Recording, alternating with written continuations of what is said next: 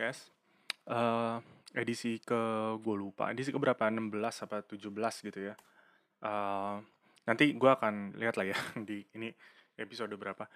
Oke, kali ini gue yakin kalian semua udah tahu yang akan gue mau bahas adalah soal pertandingan derby yang berlangsung kemarin malam jam 9. Sebelumnya gue minta maaf, memang eh, minggu lalu kayak gue nggak bikin karena gue nggak nonton Milan Spezia dan Milan lawan Red Star Belgrade gitu gue juga nggak nonton. Nah jadi kayaknya gue nggak fair untuk bikin komentar untuk apa yang gue nggak tonton gitu. Jadinya eh gue nggak bikin gue nggak bikin ini gue nggak bikin podcast di situ.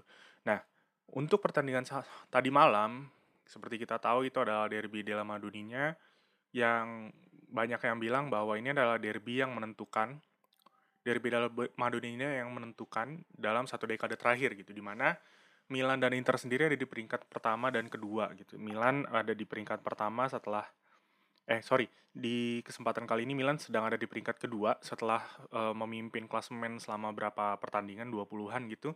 Nah, tapi di posisinya kali ini Inter lagi ada di eh, peringkat pertama gitu. Nah, jadi siapa pun yang menang ini akan menguasai puncak klasemen. Nah, bedanya ketika Inter yang menang, Inter akan punya punya gap yang lebih yang cukup lu- cukup jauh lah dari Milan. Sementara Milan akan kembali ke peringkat pertama. Seperti yang kita tahu hasilnya adalah 0-3 untuk kekalahan AC Milan. Gitu ya. Pilihan pemain hampir bisa dibilang 90% pemain utama sudah main minus Ismail Benasher yang digantikan oleh Tonali.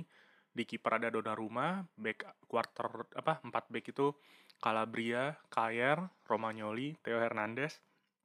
Double pivot Casey dan Tonali, eh, di belakang striker ada Salamaker, Hakan Rebic, Rebic dan untuk strikernya seperti biasa ada Zlatan Ibrahimovic.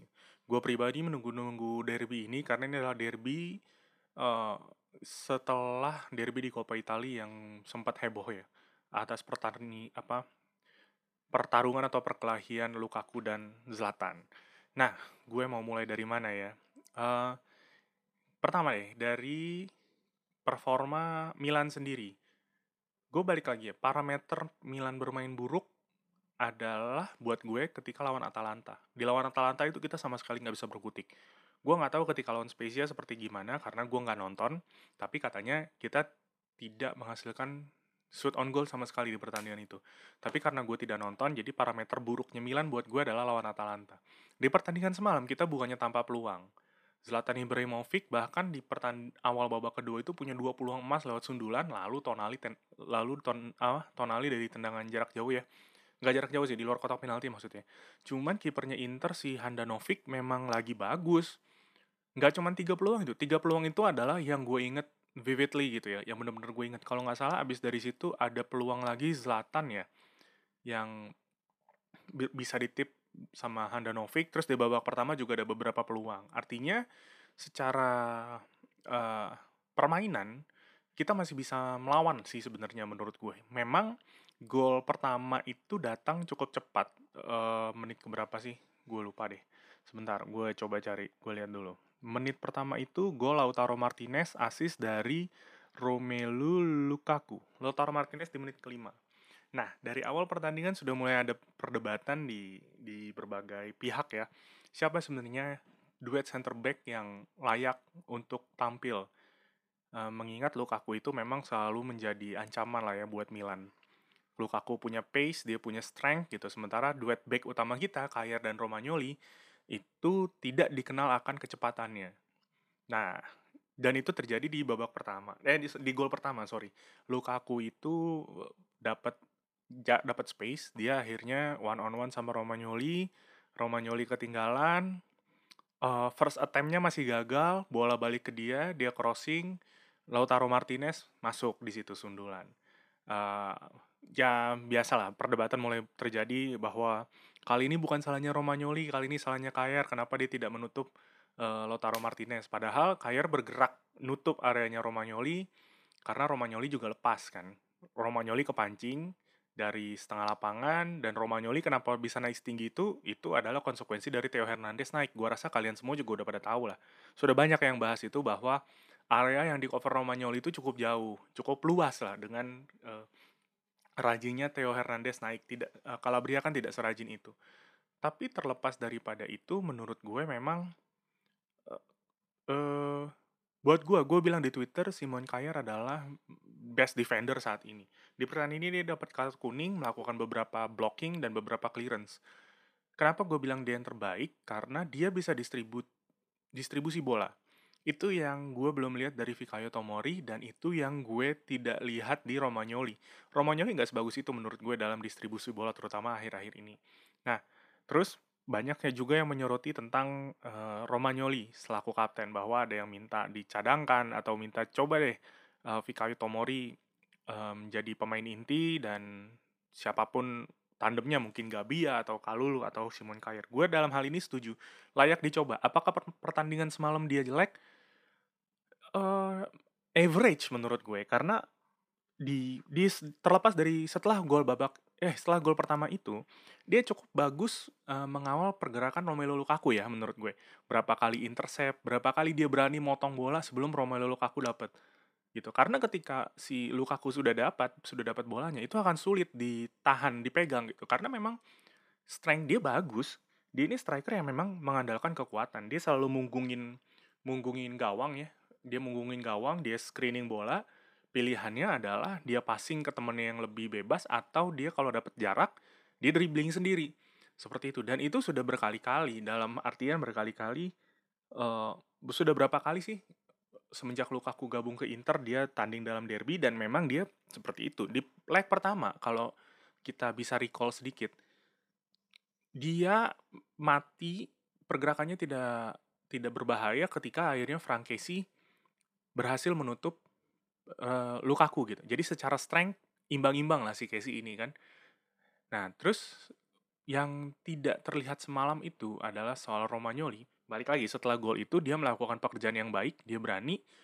Uh, tapi balik lagi di gol Lukaku yang ketiga dia kembali lepas gitu. Dia ngasih Lukaku jarak satu yang gue kurang suka dari Romagnoli dia kurang berani menurut gue. Terlalu play safe lah sekali-kali making fall ya udah maksud gue oke okay, mungkin ya mungkin dia mau di gaya permainannya memang elegan interceptnya tacklingnya cuman sekali-kali you play dirty boleh lah dia ketika dia sudah kalah body gitu misalnya ketika kalah screening dari Lukaku dia akan lebih memilih ngasih jarak satu atau dua meter gitu berkali-kali komentar komentatornya bahkan bilang uh, kenapa Lukaku dikasih jarak gitu. Tapi komentatornya juga fair sih ketika ketika gol pertama itu selesai dan yang gue bilang tadi Romagnoli berani intercept, berani berani motong duluan, si komentatornya juga me, memuji gitu. Memang ini harus dilakukan untuk menghentikan Romelu Lukaku, lu nggak bisa ngasih dia jarak. So buat gue dia average. Apakah dia sejelek yang dibicarakan orang-orang? Khusus untuk pertandingan semalam, gue kurang setuju. Kurang beruntungnya dia adalah di dua momen ketika dia lepas, dua momen itu Milan terhukum lewat dua gol. Ya mau gimana lagi gitu Tapi apakah dia sepanjang 90 menit jelek? Gue nggak bisa bilang seperti itu. Itu tapi unpopular, unpopular opinion gue ya, pendapat gue. Apakah dia layak dicadangkan? Sudah saatnya menurut gue. Karena kita punya beberapa back yang kelihatan tampil bagus ketika dikasih kesempatan. Kita bicara Kalulu yang aslinya back kanan, terus Fikayo Tomori juga gitu. Terus Gabia mungkin kembali dari kembali dari cedera ya bisa dicoba lah gitu. Terus yang mungkin tidak banyak dibahas orang adalah di 15 menit pertama lini tengah kita tidak terlihat. Yang harusnya ngasih screening yang harusnya ngasih backup itu tidak terlihat gitu ketika bertahan di uh, kelihatan lini, tengah kita kosong ketika kita menyerang juga double pivot kita tidak banyak terlibat di 15 menit awal. Karena berkali-kali, misalnya Lukaku sama Martinez itu berhasil ngedorong lini pertahanan kita, lini keduanya Inter bisa masuk. Barella, uh, Eriksen, lo luasa banget itu megang bola. Nah itu yang gak dilihat. Tapi setelah, saya gue lupa, 15-25 menit, abis itu Milan mengambil kendali permainan.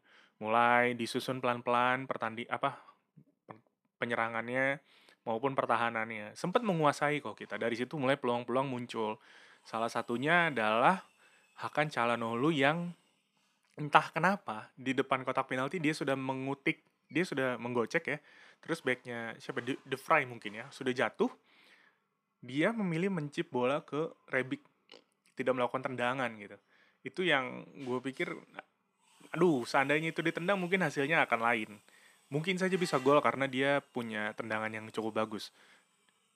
Kenapa dia tidak pede gitu? Ada kesan takut di situ. Dan jujur saja setelah covid dia memang belum menemukan permainan terbaik ya. Kecuali lawan apa sih sebelum lawan Spezia itu Crotone ya yang dia masuk sebagai pemain pengganti yang Milan menang 4-0 lewat dari situ dia belum menampilkan permainan yang baik lagi.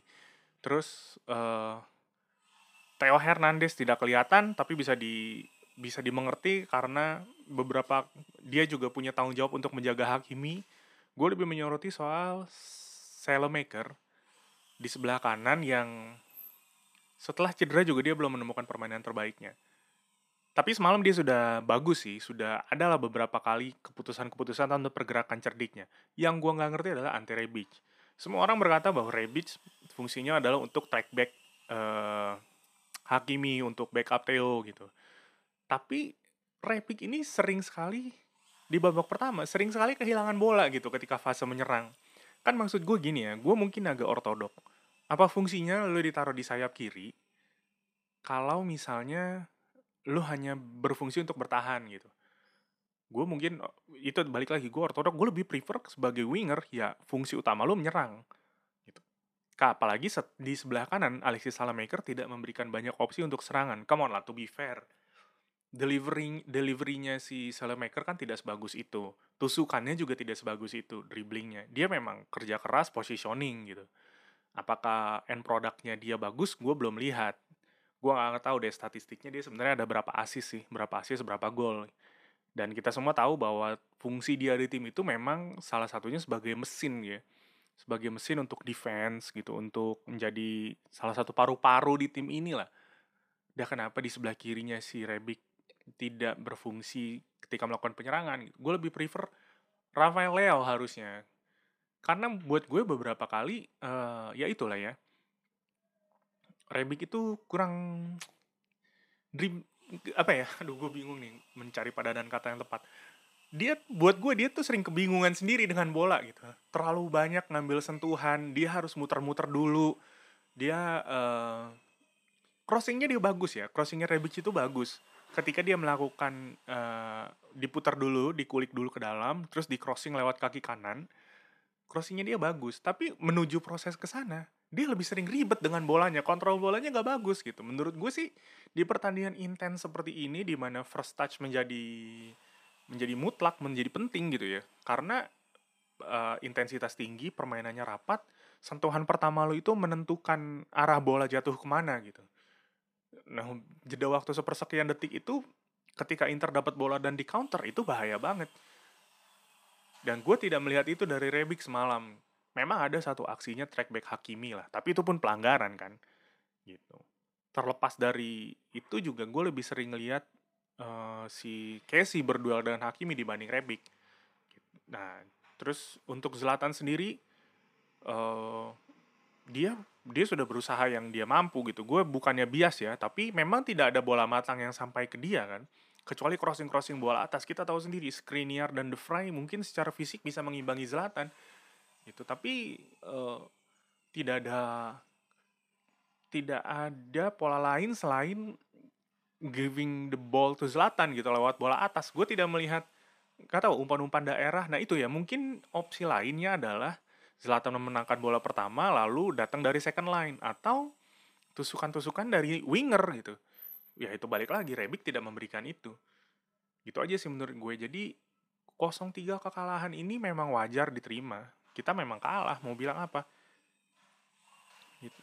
Terus di ketika di babak kedua mulai kita masih menguasai pertandingan sampai uh, kayaknya 30 menit atau 20 menit terakhir ya uh, di situlah di terjadinya gol Lukaku yang ketiga gitu. di situ kita mulai keteteran lagi. Akhirnya Samu Castillejo masuk gue nggak ngerti juga. Toh lo udah kalah sekian kenapa sih lo nggak masukin Hauga? Maksud gue come on lah what Castillejo could, could provide sih gitu. Gue sih lebih prefer Hauge ya dibanding Castillejo ya untuk saat ini. Gitu atau Brahim Diaz atau atau apalah gitu. Gue di sini Pioli juga gue lihat apa Calhanoglu tidak bermain bagus tetap dipertahankan gitu kan toh sudah ketika sudah 2-0 we have nothing to lose ubah aja gaya permainannya ini tapi ini menurut gue mungkin tim pelatih punya pemikiran lain tapi kalau kalau buat gue sebagai Milanisti penonton gitu ya. Ya udah drastically ubah aja gitu pertandingannya. Kenapa mesti apa ya Salamaker ganti apa Salamaker ganti Castillejo gitu. Ya pakai do something lah. Gue kecewa banget gue kecewa banget sama hasil semalam. Karena gue nontonnya juga sambil berdiri gitu 90 menit. Nggak bisa gue duduk itu jadi uh, maksud ya itulah ya balik lagi. Rebic bermain buruk tidak diganti ya menurut gue. Dikasih kepercayaan. Kenapa di apa di space yang sempit mungkin Hauge bisa berbuat sedikit lebih baik gitu ya. Gitu sih gue nggak tau lah mau ngomong apa. Terus dengan hasil ini Milan turun ya Milan tetap di peringkat kedua. Minggu depan kita lawan Roma yang patut ditunggu adalah respon Milan terkait ini karena minggu depan lawan Roma dan kalau lawan Roma kalah lagi itu cukup berbahaya untuk uh, mentalitas tim ya terutama kita terutama pesaing-pesaing lain juga jaraknya juga tidak terlalu jauh uh, dan sepertinya di lima besar tidak menunjukkan tanda-tanda penurunan. Terima kasih kepada Pipo Inzaghi, Benevento menahan Roma 0-0. Apa ya? Mungkin gini ya, terlepas dari pertandingan semalam, pendapat gue tentang tim ini kan memang sudah berkali-kali gue ungkapkan, ini adalah bukan Scudetto material gitu. We must to be fair. Walaupun temen gue si Andi itu bilang, enggak, kita mesti bermimpi Scudetto. Enggak bisa gitu. Buat gue, memang memang ini bukan material Scudetto, ini adalah tim yang didatangkan dengan budget minimal diharap diharapkan mendapatkan hasil yang maksimal. Dalam hal ini hasil maksimal itu seperti apa? Ya empat besar, kembali ke zona UCL dengan balik ke zona UCL ada perbaikan sisi finansial dan itu akan butterfly effect, mungkin nanti ke ekonomi dan lain-lain. Seperti itu. Bisa jadi memang peaknya tim ini sudah lewat dalam artian mungkin taktik Pioli sudah terbaca atau para pemain maksimalnya para pemain yang sudah sampai sini. Di sisa per sisa pertandingan musim ini adalah soal persistensi dan tekad dan semangat. Kita tidak, kita tidak bisa mengharap mungkin ya kita tidak bisa mengharapkan lagi peningkatan skill, peningkatan gaya main dari tim ini. Udah ini semaksimalnya tim ini aja gitu kayaknya. Udah di sini aja levelnya tim ini. Kita harus jujur gitu karena itu penting untuk manage expectation. Ya sudah gitu. Kalau abis ini turun lagi ke peringkat ketiga, ya at least masuk tetap jaga di zona UCL lah. Yang gue sayangkan adalah kehilangan poin dari tim-tim kecil. Kayak gue pernah bilang sebelumnya. Kita lawan Bolonya ya, lawan Bolonya Benevento itu seri, lawan Spezia kemarin juga kita kalah gitu. Bayangkan ketika tiga pertandingan itu kita menang lah. Kalau misalnya ada kata-kata what if ya, kita punya tujuh poin lebih dari sekarang gitu kan kalau lawan tim-tim besar ya, lawan Inter lawan Roma. Sebutlah mental gue mungkin bukan mental Milanisti pemenang cuma dengan tim keadaan saat ini ya itu calculated loss. Kita udah harus siap kalah lah. Eh gue gak tahu ya kalau lawan Roma Roma juga compang camping kayaknya timnya. Tapi kalau lawan Inter yang emang di musim kedua Conte udah lebih siap pemain-pemain yang didatangkan juga sudah sesuai dengan skemanya Conte 352 gitu what do you expect nih tapi harusnya lawan tim-tim kecil kita tidak boleh kalah atau kehilangan poin. Harus menang. Pertandingan itu yang harus menang. Derby itu harus menangnya derby itu lebih ke arah karena ini derby, bukan karena ini kepentingan siapa pemuncak klasemen enggak. Tapi kalau kita ngomong jangka panjang, ngomong posisi di liga, gue lebih mengharuskan menang lawan tim kecil. Gitu sih. Ya gue overall kecewa lah. Ini di 2021 runnya Milan ini tidak sebagus 2020. Kayaknya the honeymoon is over. Kita bisa melihat yang bisa kita harapkan tinggal respon tim ini, tim secara keseluruhan termasuk tim pelatih, pemain-pemainnya terhadap hmm, hasil buruk yang dijalani selama 2021. Belum lagi kan ada berita soal Ibrahimovic yang harus hadir ke Sanremo Music Festival dia akan membawa pelatih pribadi dari Milan. Gua nggak tahu, semoga itu tidak membuat sosok dia menjadi sosok yang overprivileged di Milan ini. Gitu selain privilege dia di marah-marahnya. Gitu ya berharap yang terbaik aja lah buat tim ini. Terus apalagi ya? Gue suka sih tweetnya uh, Milan Godfather ya. This is just another day in the in the match gitu. Ya udah, pertandingan selesai, ya udah udah tidur, udah selesai. Ini minggu yang baru, lakukan aktivitas, jaga kesehatan. Minggu depan ada pertandingan lagi. Gitu. Gua rasa gitu aja sih. Gue sampai nggak bikin talk, talking point gitu karena semalam bener-bener nggak megang handphone. Sesekali aja gue pegang handphone. Gue lebih fokus ke pertandingan. Overall itu pertandingan derby yang seru terlepas dari hasilnya. Saling serang sebenarnya saling serang. Jadi ya udah lama tidak menikmati sepak bola seperti ini. Segitu aja dari gue. Semoga hmm, Milan sendiri bisa bangkit dari uh, kondisi ini. Segitu aja ya. Oh, oh satu lagi, gue mau kasih pengumuman. Kai kebetulan uh, partner gue sebelum episode ini si Joko dia tertarik karena dia Milanisti juga dia tertarik dan dia mau bantu-bantu gue di sini. Uh, dia mengusulkan untuk kayak dua minggu sekali mungkin gak sih nggak harus bahas review preview pertandingan gitu misalnya atau nggak harus membahas tentang pertandingan terakhir tapi bahas tentang uh, Milan-Milan masa lalu lah tentang data tentang statistik. Kebetulan dia uh, suka sekali bermain dengan apa suka sekali melakukan riset gitu. Jadi dia uh, akan ada akan ada materi baru ya di podcast ini. Dan gue seneng banget menerima masukan dia karena gue gue sendiri masih bingung gue konsep ini mau gimana nih? Apakah berjalan gini? Tapi ide dia bilang yang lebih timeless lah materi-materi yang lebih timeless jadi tungguin aja terima kasih sudah mendengarkan uh, jaga kesehatan buat semuanya. This is just another city week another city match. Ya habis dari situ balik ke real life. Selamat bekerja selamat bersekolah selamat kuliah atau melakukan kegiatan apa pun. Jaga kesehatan the covid is not over dan ciao